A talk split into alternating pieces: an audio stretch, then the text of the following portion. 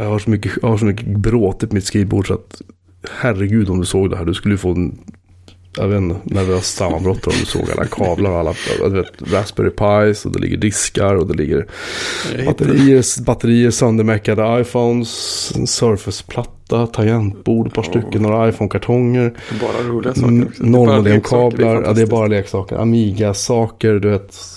Ja. Ja, jag vet, jag Jag hittade läsa. ett gammalt filmklipp för ett tag sedan. Där Merlin Mann pratade om sitt minimalist eh, skrivbord. Ja, tjena. ja, men alltså, jag, jag försöker verkligen. Eh, Är det, här program, är det här våran, ja, det det här är våran podcast. Jag försöker verkligen städa. Och jag städar så här, vet, två gånger om året så får jag ett ryck och så tänker jag nu. Ja. Nu. Och så städar jag så det där pedantstädat. Ja, det. Så min fru kommer in och så här nästan svimmar när hon ser hur städat det är. Och barnen är så här, men va? Har du blivit sjuk? Har jag blivit sjuk? Och sen tar det två veckor. Så tänker jag, jag måste bara riva fram någonting. Ja. Och sen så river jag fram någonting och sen ligger det helt plötsligt typ så här 200 skruvar på skrivbordet för att jag har meckat isär, ja jag meckat isär min dotters Macbook Air 11 tummar för hon lyckas ha saft i den. Ja, det blir små skruvar också. Eh, många små skruvar och de hade jag lagt i en fin hög och nu är den högen lätt utspriden på skrivbordet. Ja. Jag vet inte ens om jag kommer få ihop den här datorn igen. Nej, det Jag, men. Jag kämpar med det här, Ja. Fredrik. Jag vill bara att du ska veta det. Jag Ja, kämpar jag- enormt. Jag lever, lever mig in i det livligt. Ja. Men det är ju lite där man har ett uh, arbetsrum till också. Ja, det här är inget, det här är en mancave. Det är liksom, Ja, det, här, jo, det, det, jag det här är det min, snyggt. min krypta liksom. Ehm, Saker kommer in men de kommer inte ut igen. nej, verkligen. Ja, men jag har servrar så lutade mot golvet lite här och var. här. Alltså jag vet inte ens varför. Men... Jag blir oerhört sugen på en panoramabild. Men jag känner att jag man kan få liksom tjäna ihop till den över tid. Då skickar jag den till dig. Ja. Inte för så allmän, allmän Det som åskådning. man skulle kunna jag läcka ut på nätet. Så kommer det sådana diskussioner om de där fem hårdkomprimerade pixlarna uppe i hörnet. Är det där en sån server? Kan det vara det? Nej, herregud, det, nej usch, det ska vi inte visa upp. Det här är, det här är bara för mycket. Jag la, Nej, jag la det upp typ en liten bild, liten bild. Ja, precis. Jag la upp en liten bild på mina Amiga-datorer på en sån här retro-grupp på Facebook häromdagen. Ja. Alla bara yay, man cave. Alla tyckte det var jättecoolt. Ja, Då hade de inte sett resterande 98% av, av kontoret. jag ser en Kentucky av Cthulhu. Det- Det var Okej. okay. Ska vi se. Eh, vi, vi, det här är ju avsnitt två. Ja, Några, om vi ska försöka komma ut i en sorts ordning. ja, det är Och- helt fantastiskt. Och vi har fått, vi har fått massa feedback. Och Ja, jag folk har lyssnar. Ja, ja vi, vi har varit lite så här, eller hur? Lite Ja, det, ja, ja, men verkligen. Det, det här känns inte som att man har förtjänat på något sätt. Nej, jag vet inte heller. Om, uppenbarligen så gör vi någonting som folk tycker om att lyssna på. Och det är vi ju, Ja. jag, talar, jag talar för oss båda, vi är väldigt glada Ja. över att ni lyssnar. Och vi finns, vi finns ju på iTunes. Ja, det gör vi. Så gå gärna in och så här, skriv något. Det får gärna vara snällt, men det får gärna vara sakligt. Ja, precis, om det inte är snällt. Nej men sådär. Som Uh, lämna ett betyg, jag vet inte. Det är väl sånt som alla podcastare brukar säga. Vi, vi, och vi, var, vi har väl så mått att vi tittar inte så mycket på våra loggfiler. Vi tittar inte så mycket på statistik. Vi har gjort det så här några gånger. Första typ två, tre timmarna så var det så här. Så att vi liksom, du vet, du och jag. En till. En via till, Skype. En till. En till, en till. Men nu känns det som att det har liksom, det har gått en vecka va? Ja, jag, jag, försökte räkna. Jag var o- oerhört osäker på det där. Men det verkar ha gått en Ja, vecka. drygt en vecka. När vi spelar in i alla fall. Idag är det tisdag den 27. Just. Och lönen är redan slut. Men den är en annan femma. Men, äh, men, ja, precis. men i alla fall så, äh, vi är i alla fall jätteglada över alla som lyssnar och välkomnar de som kanske upptäcker oss nu. Ja, precis. Ehm, och då har vi har lite uppföljning från vårt första avsnitt, vårt förra avsnitt. Och det handlar om att jag satt och sa att Amiga OS var skrivet i C++. Ja, det borde man ju kanske ha huggit på. Det borde man ha huggit på. Och det, och det, ja, du om någon borde väl ha gjort det. Men, men jag, jag var väl lite småbakis, eh, förlåt, trött fortfarande efter min Barcelona-tripp med jobbet. Ja, det, Det är, jag eh, blev sjuk i, sov i 24 timmar. Ja, alltså, precis. Sen blev jag, sen, vi spelade väl in i måndags va? Ja, Och sen onsdag, onsdag vid lunch gick jag hem från jobbet. Sen sov jag från typ tre på eftermiddagen till sju nästa morgon. Och Ja. hade feber och mådde apa. Men i alla fall, Amiga OS, första Amiga OS fanns skrivit i något som heter BCPL. Och sen i Amiga OS 2 så var det omskrivet och så då skrevs det både i C och Assembler. Mm. Rätt ska vara rätt. ja, det ska det faktiskt. Speciellt när det Ehm, Amigor. Så är det. Det, det ska gudarna veta att uh, Amiga-folket är ett trevligt folk. Men Ja, de är väldigt. väldigt, väldigt noga med detaljerna. Som sig Må man bara. ändå säga. Um, sen vet jag inte om vi hade någon mer uppföljning just om det. Tror jag väl inte. Titta, om jag tittar i rätt textfeed så kanske det hjälper. Um, I alla fall, jo, sen jag nämnde att jag höll på med min, min kära Amiga Ja. och uh, hackade och donade. Och jag hade ju då satt upp det här BBS-systemet Nikom som Ja, skrivet av Niklas Lindholm. Ja, han har ju till och med startat upp sin egna BBS nu igen. Så man kan gå in på www.nikom.org och så kan man hitta info om alla BBS som finns. Och där finns min med som heter Delta City. Ja, Problemet är bara det att när ni hör det här så kanske den är uppe igen. Men problemet då är då att då kanske allting är borta. Därför att det som hände när jag kom hem idag var att jag skulle installera ett sånt här så kallat klockkort i min Amiga 1200 så att jag slipper mata in klockan varje gång. Det är så här ilandsproblem. lite. Problemet är att när jag väl startade upp det här så visade det sig först att klockkortet fungerar inte varför min Amiga får frispel. Och sen när jag väl lyckas liksom få upp datorn och få igång den igen så visade det sig att mitt SD-kort som allting var installerat på eh, numera finns inte längre. Det finns ju i fysisk form men det som är på den är misstänkt borta. Ja. Eh, liksom du vet, jag har satt upp allting perfekt. Och nu sitter den i en gammal Dell Notebook där jag har DDat över en image av det som fanns på det där kortet. Och sen får jag se om det går att göra någonting åt det. Ja, vad finns det man kan prova? Eh, Man kan köra, mm, inte part, jag kommer inte ihåg vad det heter, jag skrev precis in det. Eh, i alla fall, man kan köra, det är inte F-disk, det är något annat man kör och då kan man liksom se ner på byte-nivå, partitioner och du vet, allt sånt där. Men grejen är att när jag gör det så säger den bara, här finns ju ingenting. Usch. Så jag misstänker att det är kört. Ja, Men vi får se. Ehm, ja, det, var ju så är fint. Det var ju så fint. Det är ju Jag, lite, jag är glad av, att jag hann gå in i alla fall. Lite inom citationstecken charmen med att hålla på med sånt här. Är ju att Ja, Det finns ingen raid. Det finns ingen. du kan du, inte ens försöka ha raid. vill du ta backup så får du vackert göra det till floppydiskar. Och jag, jag, hade, jag, hade liksom, jag hade liksom börjat sätta upp backup. Jag har liksom Ja. inte, den var jag naturliga skäl inte igång. Men jag hade liksom planerat för att jag skulle göra det ikväll. Ja. Kanske, eller imorgon. Det är sånt där man, man får ju för sig att ja, men nu är det ett SD-kort där i. Då är ju saker ändå ganska trygga. Så, ja, nej. Filsystemet. Alla som har kört Raspberry Pis med SD-kort vet att de håller i liksom, jag vet inte, två, tre månader kanske. Och det, så, ingen så roll- pessimistisk man ska vara. Det spelar liksom ingen roll om man köper ett för 99 spänn eller om man köper ett för 399 spänn. Enligt, Nej. det är min erfarenhet att de, en vacker dag så blir de korrupta och sen, det, sen alltså grejen det räcker ju liksom inte med att formatera om dem för då blir de korrupta igen om några dagar utan det är bara att kasta dem. Ah, Och de är inte Ah. gjorda för liksom den typen av IO som nej. ett datoroperativsystem kräver egentligen. De är gjorda för att skriva så här stora, enskilda stora filer som, som jag har Ja, det fattat klart, det, i alla ja. fall. Nu får vi säkert massor med rättelser igen på det här. Jag har säkert fel, men det är så jag uppfattar det i alla fall. I min värld är det så. Ehm, så jag vet inte, jag har ett nytt SD-kort i nu, men jag funderar faktiskt på att stoppa in en vanlig hårddisk istället. Ja.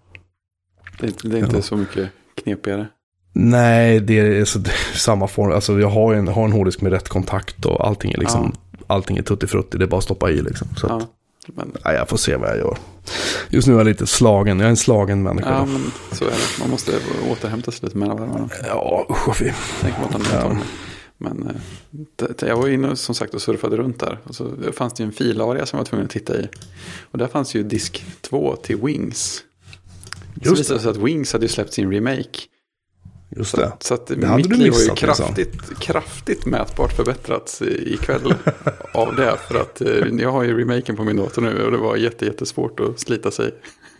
Jag fick den i, eh, i 40-årspresent Oh, av mina av tidigare kollegor. oj, man blir Eh, tårig. så det var alltså, det var alltså typ förra våren, ja, tror jag det var. Ja, det var något sånt som släpptes. Eller förra sommaren, jag kommer inte ihåg när det var, men någon gång då, då fick jag. Och det där satt jag och spelade till förbaskelse. Och grejen är att alla som har spelat Wings mycket vet ju att det här spelet tar ju faktiskt slut till slut. Men grejen är att när man satt och hade typ så här 300 kills liksom. Och så Ja. kom den här röde baronen eller vem det var som var så jäkla farlig. Han hade typ så här 80 kills. Så alla var så här, då blir man just så här, det, ja ja. Ja, Precis, kom igen då, kom igen då. Det är inte riktigt dimensionerat för att man ska vara så bra som, Nej. man, som det är väldigt lätt att bli i det här spelet. Och det är Ja. väl lite grann det enda som är trist. Men ja, annars... men det, är sån stämning. Det, är så, det, är, det är så himla genomarbetat allting. ja, och, de, det och de har verkligen inte haft sönder någonting i remaken vad jag har upptäckt. Nej, grafiken är fantastisk. Musiken är liveinspelad. Ja. Det man har haft klarinetter och trumpeter och allt Ja. möjligt. Liksom pianon och allting så här. Alltså riktiga musiker från Tyskland tydligen Ja. som Uh, nej, det, det, det är ett kanonspel. Det är en kanonremake. Den finns ju på App Store, var det inte så? Jo, så var det. 159 riksdaler. Det är ju värt varenda öre. Ja, det, är bara, faktiskt. det är bara att slå till. Det, det, var, det var lite mentalt jobbigt på något sätt att upptäcka att det var... Men av någon anledning var den 10 dyrare på App Store än det var på Steam och GOG. Men på dem så fanns inte Mac-versionen av någon anledning. Ja, just det. Eh, nej, men uh, och sen finns ju också lite andra gamla klassiker på App Store fortfarande. Tror jag. Pirates finns väl där, remaken på den. Och sen så finns remaken på Railroad Tycoon som bara heter Sid Meier's Railroad som är mitt eh, genom tiderna favoritspel. Ah, ja. Så på, från PC-eran i alla fall. Ja. Eh, det kan man spela hårt och länge. Men det kräver lite mer dator än vad Wings gör. Ja, det kan jag Grafikmässigt. tänka mig. Det. För det är bara inkapslad Windows-kod. Så att det går apsegt Mm. på min. Men det är väl som... Jag har börjat spela Planescape Torment också. Okej, det vet jag inte ens vad det är. Nej, det är ett jättegammalt eh, RPG. Det kom samma år som Baldur's Gate. Okej, Samma tillverkare, så det är så här jättestort, jättemycket text och så. Men det är, det är ju så gammalt så det rullar ju jättebra ändå. Men det är också så, det är ju, det är ju inslaget Windows-kod. Det kör ju någon sån här Wine heter den va? Ja, fast det här, de- här uh, Railroads och Pirates och de där, det är någonting annat de har gjort. De har, Okej. Det är Firaxis tror jag företaget heter. Som har gjort remakesen och sen är det ett annat företag som har varit inblandat i någonting, någonting. Någonting. Men eh, ja, sak samma. Ja. Det är fantastiska spel i alla fall. Ja men verkligen. Ehm, och det är vi inte bortskämda med, vi som kör Mac. Nej. Eller vi som kör Linux ibland. Eller, ja. Ja, alla möjliga sådana varianter. Ämnet för kvällen. Ja. Oj. Ja. Du avser att du hade någonting fantastiskt tungt och men ändå så otroligt vackert i serverrummet på jobbet. Kan du berätta? Ja, det, ja, jag får nästan börja. Jag vet inte vilken ände man ska börja egentligen. Ja, Jag vet inte, vi kan väl börja med... Ska vi börja med var alltihop kom ifrån? Alltså inte var just den kom ifrån utan var hela grejen kom ifrån. Ja, det är en bra start. Det är en bra start. För det var ju som så att 1984 så presenterade ju en kille som heter Stephen Paul Jobs en dator som heter Macintosh. Ehm, Next har egentligen ingenting med Macintosh att göra förutom det faktum att Macintosh på sätt och vis var produkten som fick Jobs sparkad från Apple. Eller snarare utfryst kan man Ja. väl säga. Han sa ju upp sig själv. Så vad han gjorde var att han eh, först försökte få John Scully avsatt några gånger. Ja, Eh, klassiskt jobbsmanér på något sätt. Väldigt mycket så här backstabbing liksom. Och sen tror jag att det var mm, typ september, mitten på september 85. Så ställde han sig upp på styrelsemöte och sa att eh, han nu går härifrån. Jag, så här, jag måste hitta på någonting. Jag är Mm. 29 år eller vad han var, 27 år, jag kommer inte ihåg. Men han, han var liksom så här, han sålde alla aktier förutom en. Ja, princip. Och sen så gick han sen och berättade då eh, för att, eh, att han skulle starta ett nytt företag. Gick han och berättade för styrelsen då. Och Apple blev ju lite smånervösa. ja, det kan man ju förstå. Ehm, och Jobs då bedyrade då att ja, men jag ska ta med mig några liksom, personer som inte är jätteviktiga för Apple. Och de sådär, och det är lugnt. Och, liksom, och Apples Mm. styrelse tänkte att ja, men kan vi få investera liksom, i, i det här nya företaget? Och, Apple, och Jobs sa att jo, ja, jag ska fundera på saken. Så gick han därifrån och pratade aldrig mer om igen. Liksom. Ehm, så vad han gjorde att han tog med sig liksom, han skickade över en lista till John Scully på vilka han ville ha med. Och det var ju inga så här, det var inga så småpotatis direkt han Nej. plockade med. Så han plockade med sig en, en bunt riktigt vassa människor. Eh, och sen så stoppade han in en 7 miljoner dollar eller någonting ur egen ficka. Och pengar var de duktiga på att bränna på på det här företaget som sen skulle då heta lite Next. här skrämmande. Jag vet inte hur mycket pengar de brände. Men det var liksom. Jag, vet, jag läste någonting om den här fabriken de byggde. När de skulle bygga Next-datorerna. Det var ju helt robot. Ja, Han liksom det, beordrar- måla i rätt färger och sånt. Ja, de skulle måla om robotarna i rätt, rätt nyans av grått eller någonting. Jag tror de målade om dem där fyra gånger. Ja. Det var, alltså, Ingen skulle vara i fabriken. man, nej, man vet ju inte hur sant allt det här är. Men det är liksom skrönorna är liksom att han, det är kontoret de brände, alltså de brände nog fruktansvärda pengar vet, på möbler och liksom sånt på det Ja, här alltså, Next-kontoret. Man, man, är ju, man märker det, man är ju inte samma sorts människa. Man kan, jag kan inte föreställa mig att spendera så mycket pengar på sådana grejer. Åtminstone inte innan det börjar gå bra. Nej, men han, han hade ju fått, han, alltså, han kan ju inte riktigt ha, han kan ju inte ha vandrat runt på marken som vanliga människor. Nej, ja, men han vill ju göra det som var bäst. Precis. Eh, I alla fall, han hade bestämt för att han skulle göra en dator för utbildningssektorn. Den skulle bli jättebillig. Just det. Precis som Macintosh skulle bli.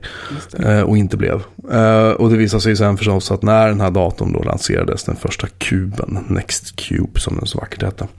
Så var den ju ohemult dyr. Mm.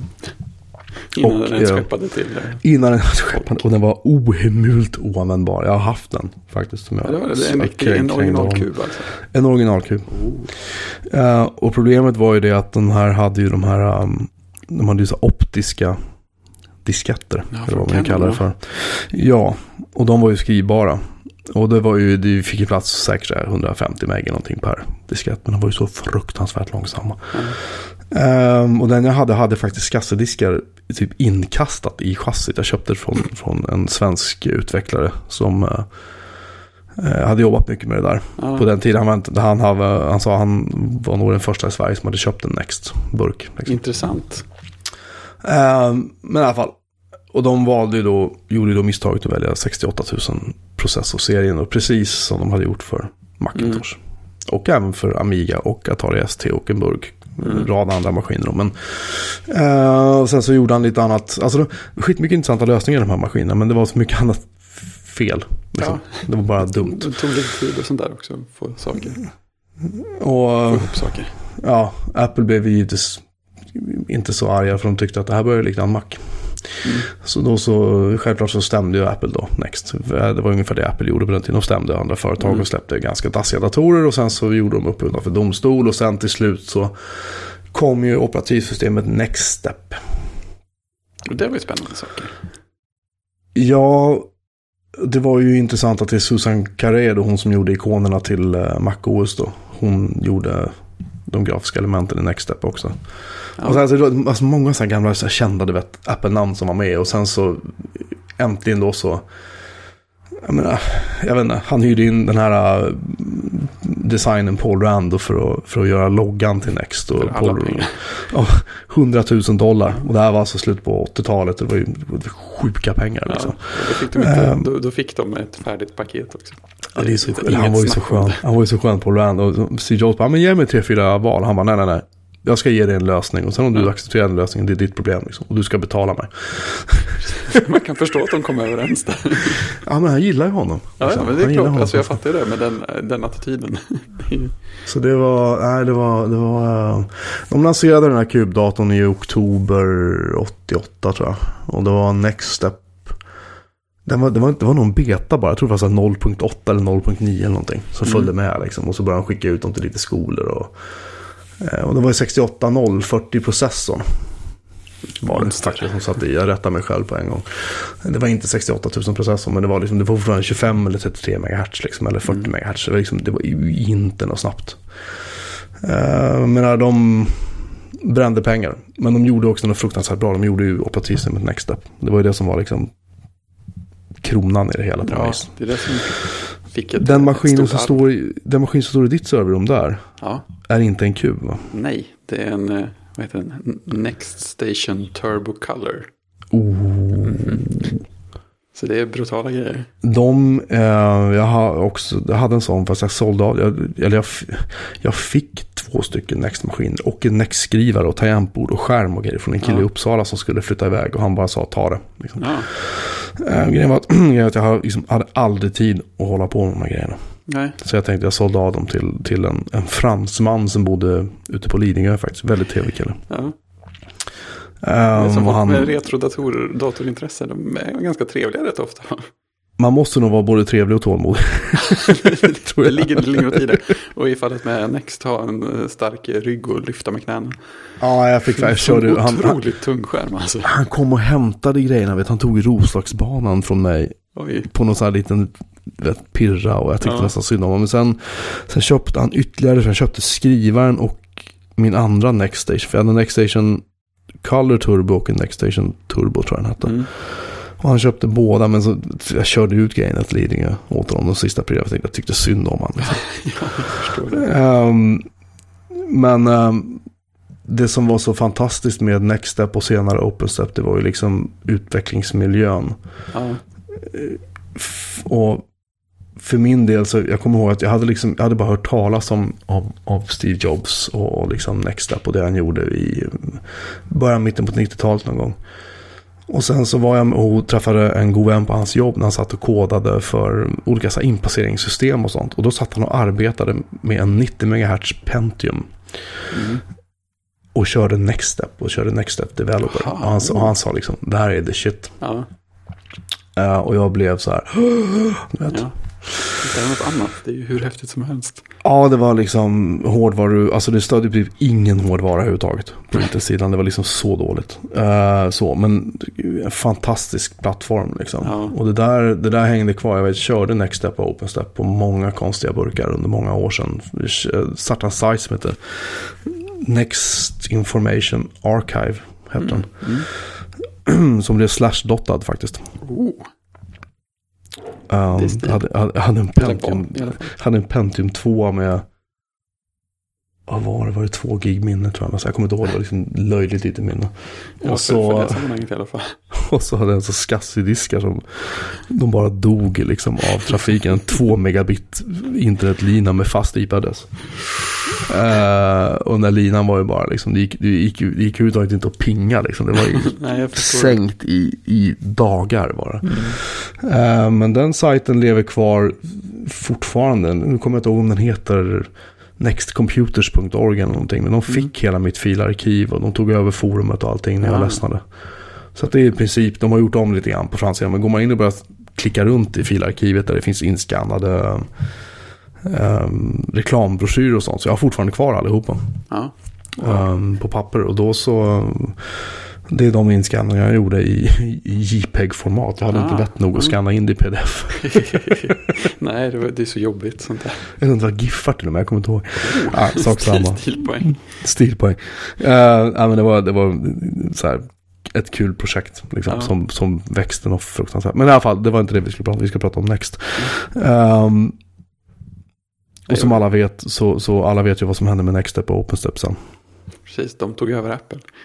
Ja, det var väl lite så. va? Ja, man brukar säga Reverse, reverse corporate takeover. så. det var, Mm, kallar man som. Pixar tog över Disney. Ja, det. herregud.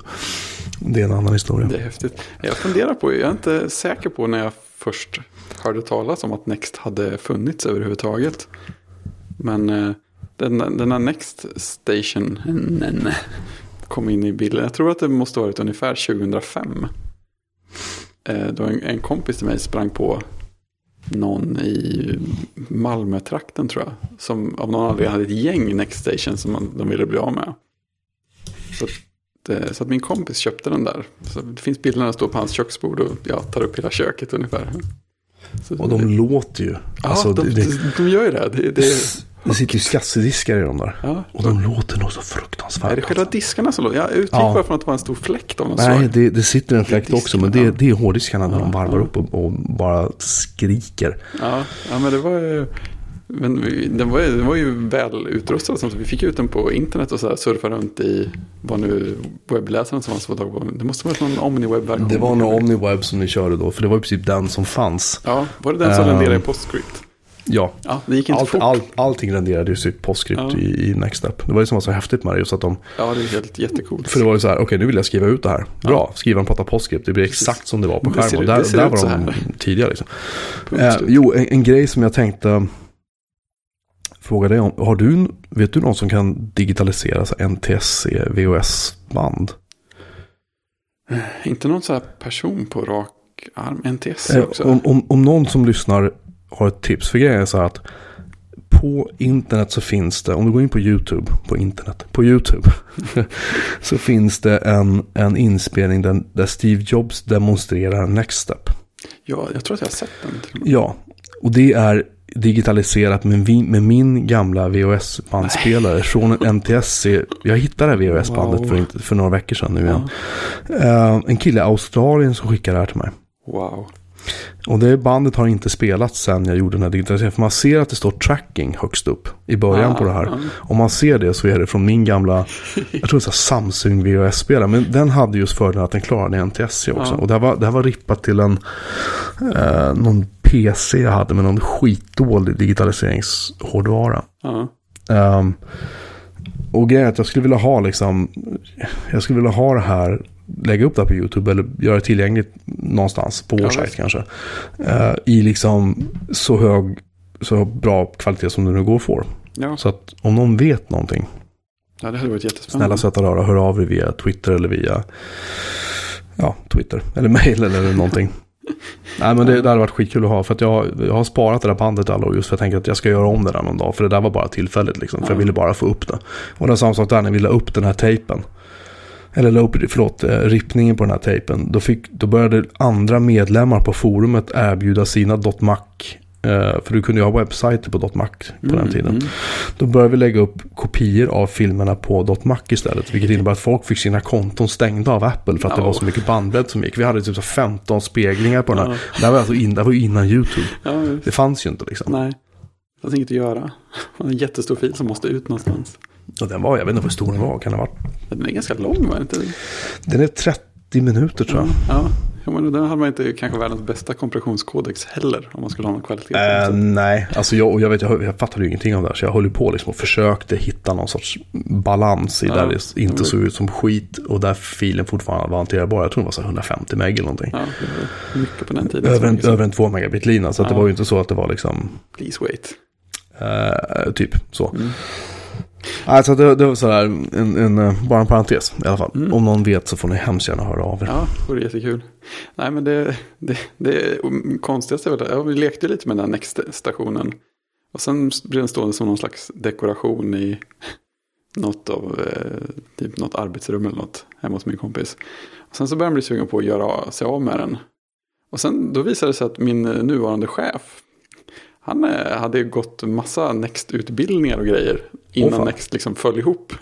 och hade så här, åh en Next, det vore ju jättehäftigt att ha igen. Jag fick slänga ut min när jag gifte mig, typ. Klassisk, man behövde utrymme till något annat. Typ ett barnrum kanske, jag vet inte. Men så han blev jätteentusiastisk och åkte- och hämtade upp den. Och sen har den stått i olika rum på kontoret sedan dess. Coolt. Ja, men det var, det var fräckt för han hade ju gått massor med utbildningar i Next Step och hela utvecklingsmiljöerna och sånt där. Och sen så hade det börjat gå mer och mer ut för med Next. Och sen till slut hade han tittat på sin hyllmeter med Next-dokumentation och så här om hela utvecklingsmiljön. Och tänkte det här kommer jag aldrig ha någon användning för. Så hade han slängt det och sen två dagar senare så hade Apple köpt Next. Oh, det där smärtar. Jag har, jag har en del, jag har en del dokumentation som jag har skickats till mig från USA, från, alltså när jag drev den här sajten fortfarande. Mm. Som är stämplat liksom i olika universitetsbibliotek och sånt. Har sina, Lånekortet när någon ja, snodde med sig. ja, nej, inte riktigt, men det, det, känns, det känns lite sådär att sitta på. Men jag, vet inte, alltså, jag har inte kvar adresserna från de som skickar. Ibland Nej. kom det anonymt, ibland Ja. kom det bara i postpåsar. Liksom. Precis. Eh, den datorn du har, den lanserades 91. Ja, Och då hade de fått för, då hade ju Steve Jobs då eh, fallit i föga och tagit bort den här magnetoptiska mm. skivan. En vanlig hårddisk och en floppy disk satt Ja, i minsann. Och grejen är att man kan tänka, för det här skulle då vara en billigare maskin än vad kuben var. För den skulle Mm. dessutom vara billigare att tillverka. För kuben var ju då, ja, inte så billig. nej, det var magnesium. Sak. fruktansvärt dyr att göra tydligen.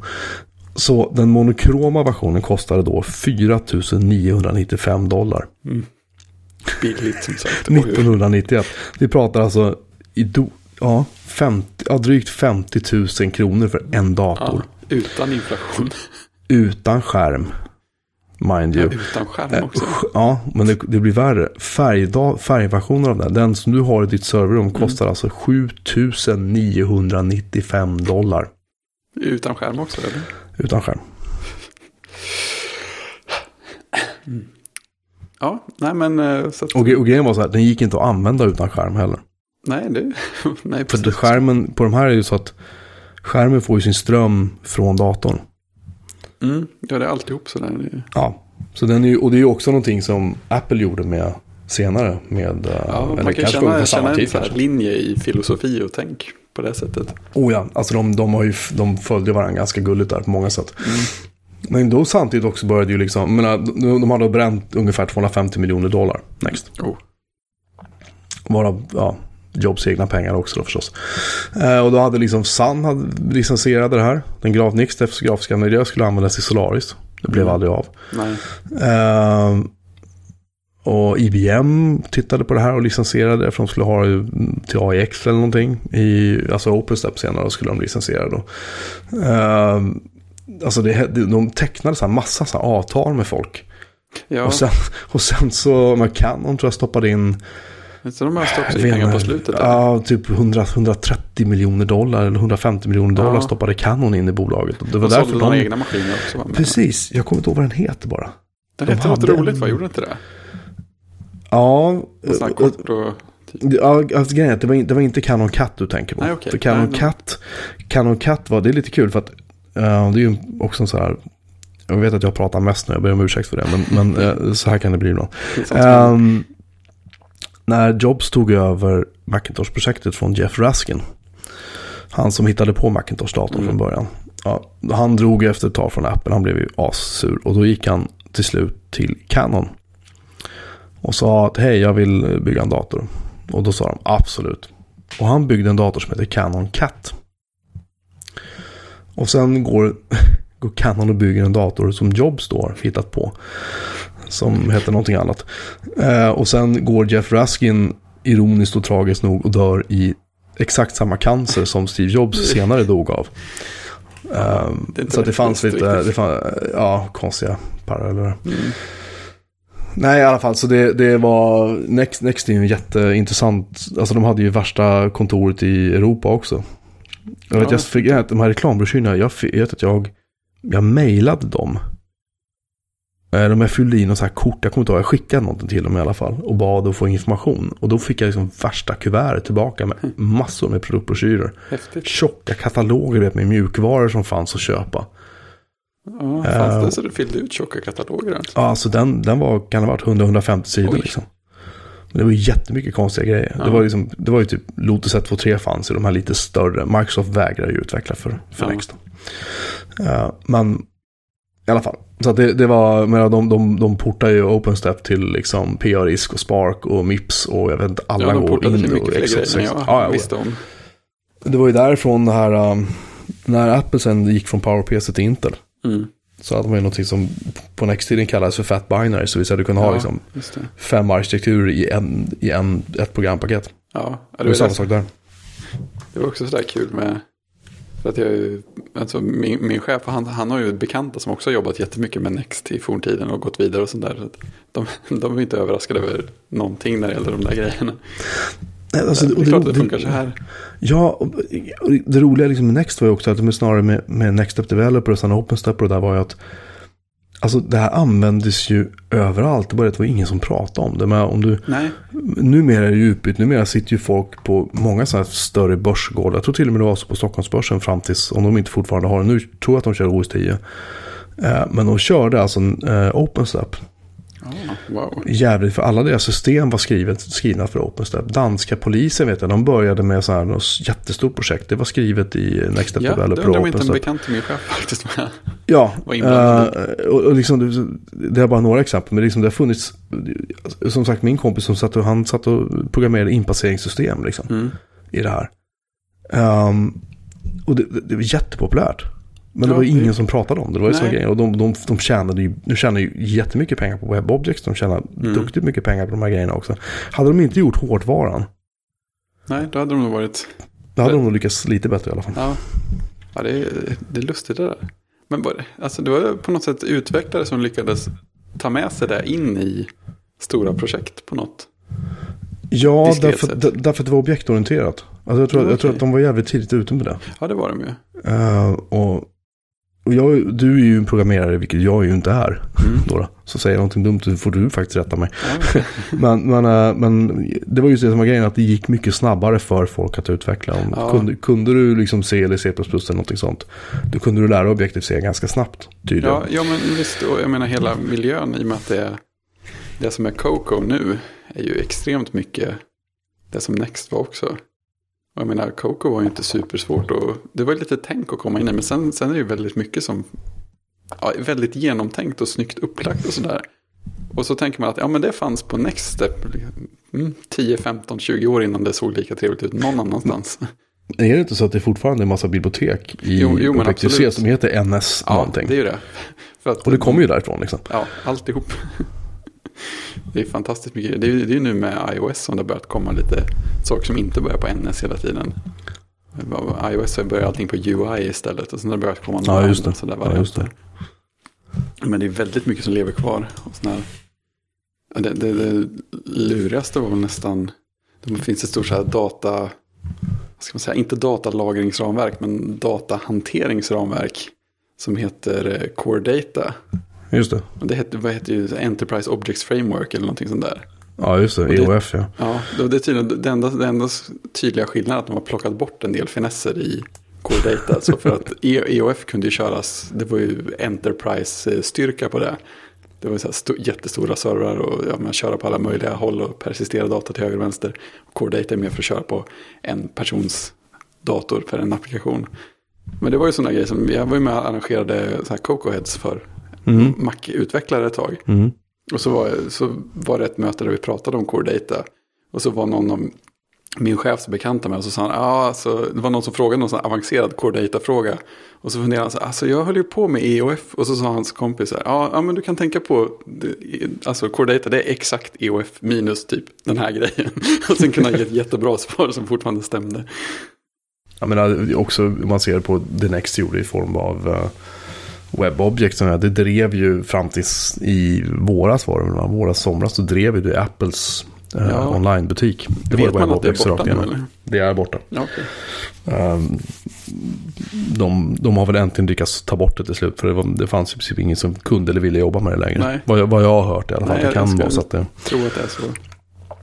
Ja, det var väl dags liksom på något vis. Ja, lite grann så kan Vi, vi, vi pratade om BOS förra veckan och det, Ja. det finns ju en liten kul koppling till, till eh, mellan BOS och Next.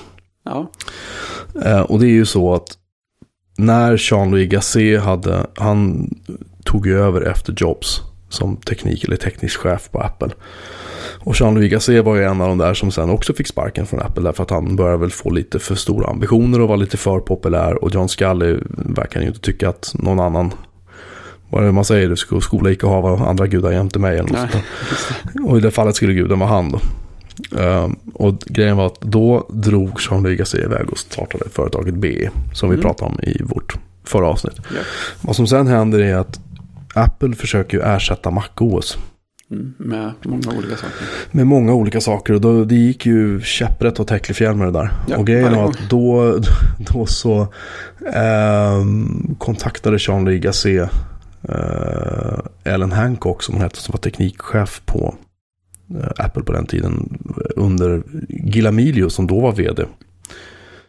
eh, I typ 100 eller 101 dagar. Ja. sånt där. Han var väl en av, jag vet inte hur många vd de hade där. Ja, efter det var bra omsättning där. Ja, det var nog sjukt alltså. Men, men då i alla fall, och då så kontaktade eh, Gasset dem. För han hade ju då utvecklat BOS på PowerPC-plattformen och såg till att det gick att köra på deras dåvarande Powerbook-maskiner. Och eh, grejen var ju att Gasset tänkte att det är BOS de ska köra nu. Så han Ja. lyckas ju få upp priset till någon sån här sjuka nivå. Alltså 200 miljoner dollar någonting Ja, skulle han han ha. För, begärde han inte... Nej, det. han begärde 200 miljoner 200 dollar för det, för, liksom det. för ett företag som, som var så här. Du vet, alltså det, BOS var ju inte klart på något sätt. Det kunde ju liksom inte hantera skrivare, det kunde inte hantera nätverk. Det var, liksom, det var ju så grundläggande. Men liksom ändå, man ser till vad de kunde göra då. Ja, jo, På samma hårdvara som... Alltså vet, jag minns, jag minns när jag körde BOS, om det var 4.5 eller 5 på en sån här Pentium 2 eller någonting. Ja. Du kunde köra så här 8 MP3-filer samtidigt. Ja, och ja, så, det var ju så grymt. Vad hette den? Soundplayer eller något? ja, det var något sånt Där där. man kunde köra så här, ja men tio låtar från samma Ja. CD och så kunde man ställa in så här körhastighet och riktning på dem. Det var helt sinnessjukt. Ja, de bara, och de du- bara rullade. Och så tar du upp liksom, du vet, Winamp på, och så installerar du Windows på samma Ja. maskin och kör Winamp. Du kunde spela så en MP3, sen började det hoppa och rycka och hacka Ja. för den klarade liksom inte av det. Så det fanns ju helt klart någonting där. Det var ju så BO i, i form av Haiku nu då. Alltså Ja. fortfarande inte ett dåligt operativsystem. Nej. Men i alla fall. Det som hände var då att han begärde 200 mille. Apple bjöd 50. Ja, Eh, viss skillnad. och vad som då hände är att eh, Steve Jobs fick få ju nys om det här. Mm. Men han kunde ju inte ringa Apple. Så det var tydligen en Next-säljare som pratade med någon av den här Ellen Hancocks experter och sa men du kolla på Next Step liksom. Mm. För nu har de tydligen börjat, de hade börjat porta den till PowerPC-plattformen av någon anledning. Då. Eh, och Hancock fick snabbt den här informationen presenterad och, och, eh, och sen gick det ju liksom, ja i december 96 så satte sig Steve Jobs i ett möte med Ellen Hancock och Gil Amelia då för att prata om Apples framtid. Då. Och då visade han upp uh, Next Step. Och sen sju dagar senare så träffades utvecklarna från respektive företag och sen då 20 december 96 så köpte Apple mm. Next. Ja. Um, och det roliga var också att jag har för mig att typ Jobs typ ringde upp någon och varnade för Gazelle och sånt. Det kände ju Gazelle och liksom sa att nej, nej, nej, för fan, håller borta från det där liksom. Uh, ja, alltså det var, det var, det var en liten kul, för Jean-Claude Gazelle hade ju liksom i sin tur i princip gått bakom ryggen på Steve Jobs. Ja, när Steve Jobs som... försökte återta makten. Han ja. var ju en av de som tjallade på Jobs. Liksom. Ja, och nu, nu fick ju Jobs så lite payback liksom då i, i många avseenden. För som alla vet så BE, BE gick ju åt Äckelfjäll sen då. Ja, men det hann jag i alla fall eh, få reda på att det fanns innan det gick helt åt skogen. B fanns fortfarande kvar när jag upptäckte, eller fick se B och så sådär. Ja, precis. Nej, jag, jag, jag kommer ihåg jag fick en sån här recensions-CD på BOST. Jag har fortfarande kvar den faktiskt. Ja. I originalförpackning. Skitsnyggt förpackat.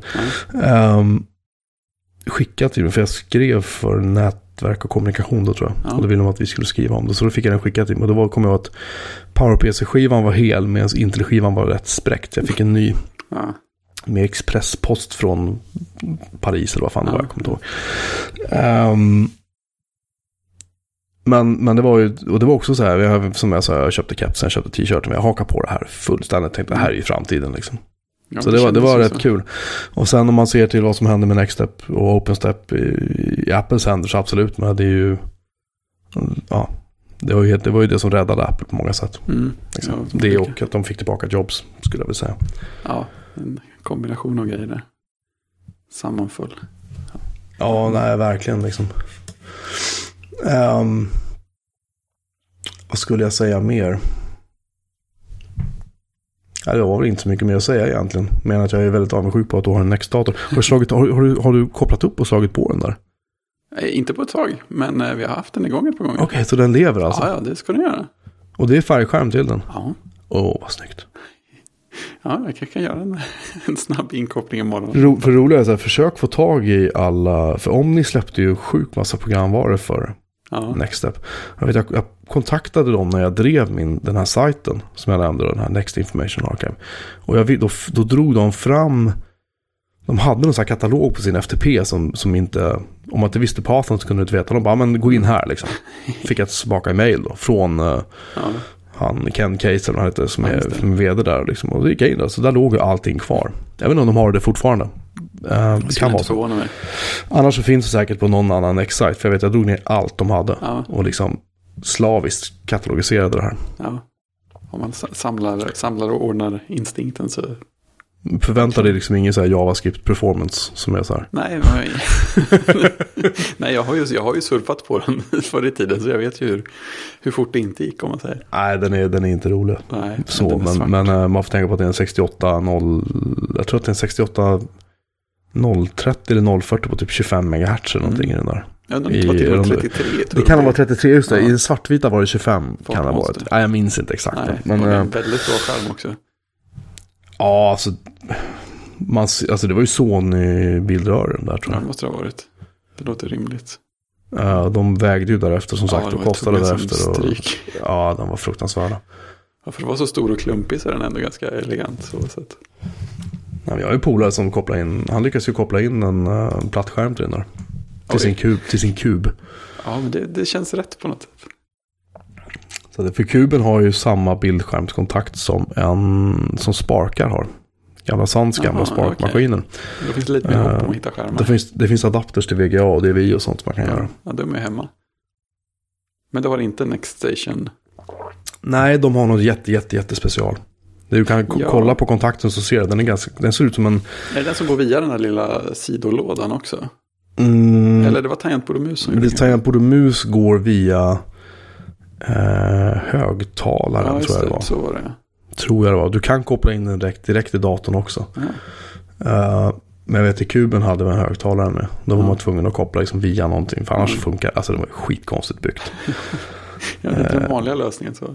Nej, jag har faktiskt kvar en mus fortfarande. Next-mus fint. hittade jag här när jag städade. Ja. Eller ja, försökte städa i alla fall. Ja, precis. Var- Varför fortsätta när man hittar en Next-mus? Då är man ju rätt nöjd sen. Mm. Detta om detta, kanske. Ja, Ehm, tack så hemskt mycket för att ni har lyssnat. Vi är väl tillbaka, jag vet inte, nästa vecka kanske? ja om, ett, om ett tag ungefär. Om ett tag, jag vet inte. Vi har, vi har planerat en fyra, fem, sex avsnitt till tror jag. Ja, I olika former, så att det finns mycket att prata om. ja, vill ni höra något, vill ni ha något speciellt ämne som vi ska lägga ut texten om så det, går det bra att föreslå saker också. vi lovar inte att ta upp ämnet, men vi lägga lovar ut texten. ta in förslagen. Nej, men det är alltså... Som att försöka summera liksom vad, vad Jobs, alltså jag, nu återkommer jag till det här till Next igen. Det som, det som var så fantastiskt med det var att det liknade ju ingenting när man väl såg det första gången. Nej, nej, men det är ju det. Och det var lite samma känsla med Bios också. Alltså, ja, men det här är något helt annat än alla Ja. de här andra tråkiga sakerna.